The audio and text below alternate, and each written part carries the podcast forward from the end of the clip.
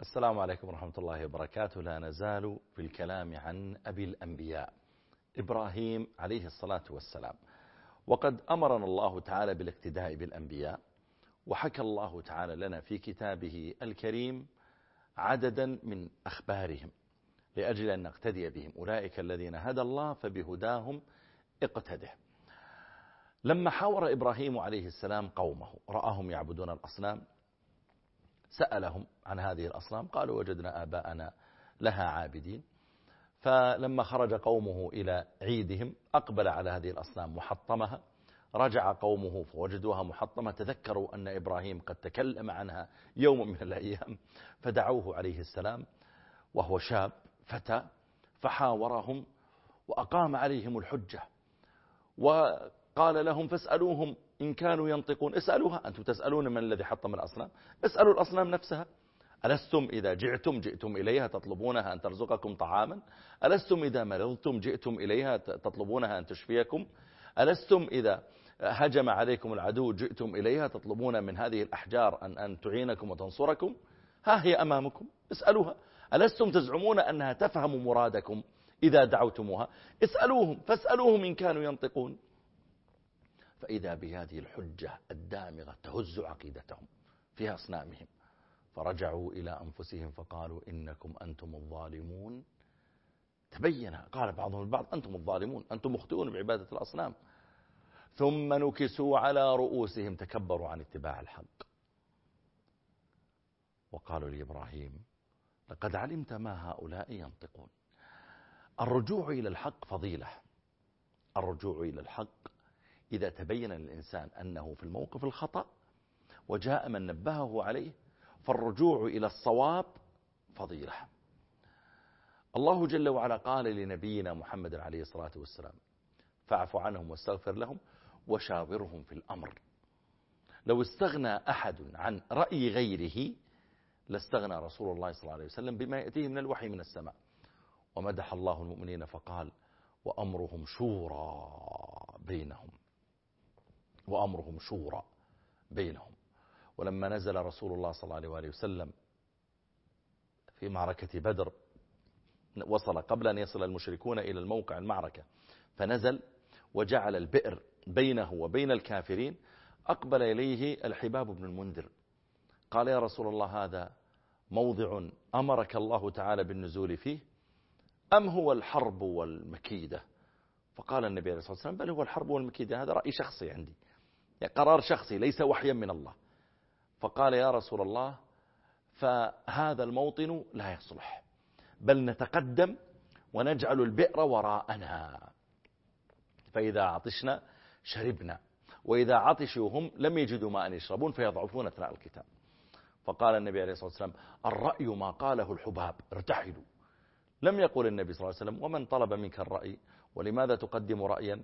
ولماذا؟ من ألا تعلم أني نبي يأتيني الوحي من السماء؟ لم يقول له ذلك. بل أعطاه رأيا رأى عليه الصلاة والسلام أنه صواب فاتبعه. ولذلك الرجوع إلى الرأي الصحيح. الرجوع إلى الحق إذا تبين الإنسان أنه, أنه جانبه. إذا تبين الإنسان أنه أخطأ في فتوى أخطأ في معلومة أخطأ في نصيحة أخطأ في قرار ينبغي له أن يرجع إلى الحق. وما دمر الناس بل ما دمر أحيانا وأحدث المشاكل حتى في أمور الناس الدنيوية في شركات وفي وزارات وفي غير ذلك إلا أنك تجد رجلا له سطوته هو مدير الشركة أو مدير المؤسسة أو مدير الجامعة أو, أو الدكتور أمام الطلاب في الجامعة أو, أو طبيب أحيانا يقرر أن علاج المرض كذا ويقول ربما طبيب أصغر منه لا العلاج هو كذا فيتكبر عن الرجوع إليه ويضر المريض. ولو أن الإنسان أقنع نفسه أنه بشر يصيب ويخطئ وأنه لا يستغني أحد عن رأي غيره ولو استغنى أحد لاستغنى رسول الله صلى الله عليه وسلم ولما قال الله له وشاورهم في الأمر لو اقتنع الإنسان أني أكمل بآراء الآخرين وأني إذا تبين لي الحق أعود إليه. إذا كان الإنسان كذلك فهو الموفق. كان بعض الأئمة يفتي بالفتوى فتوى وتنتشر بين الناس ثم يتبين له أنه أخطأ فيها. فيرسل من ينادي في السوق من أفتاه فلان بكذا البارحة فإنه قد أخطأ والصحيح كذا وكذا. حتى لا يتحمل آثامهم. قوم إبراهيم عليه السلام.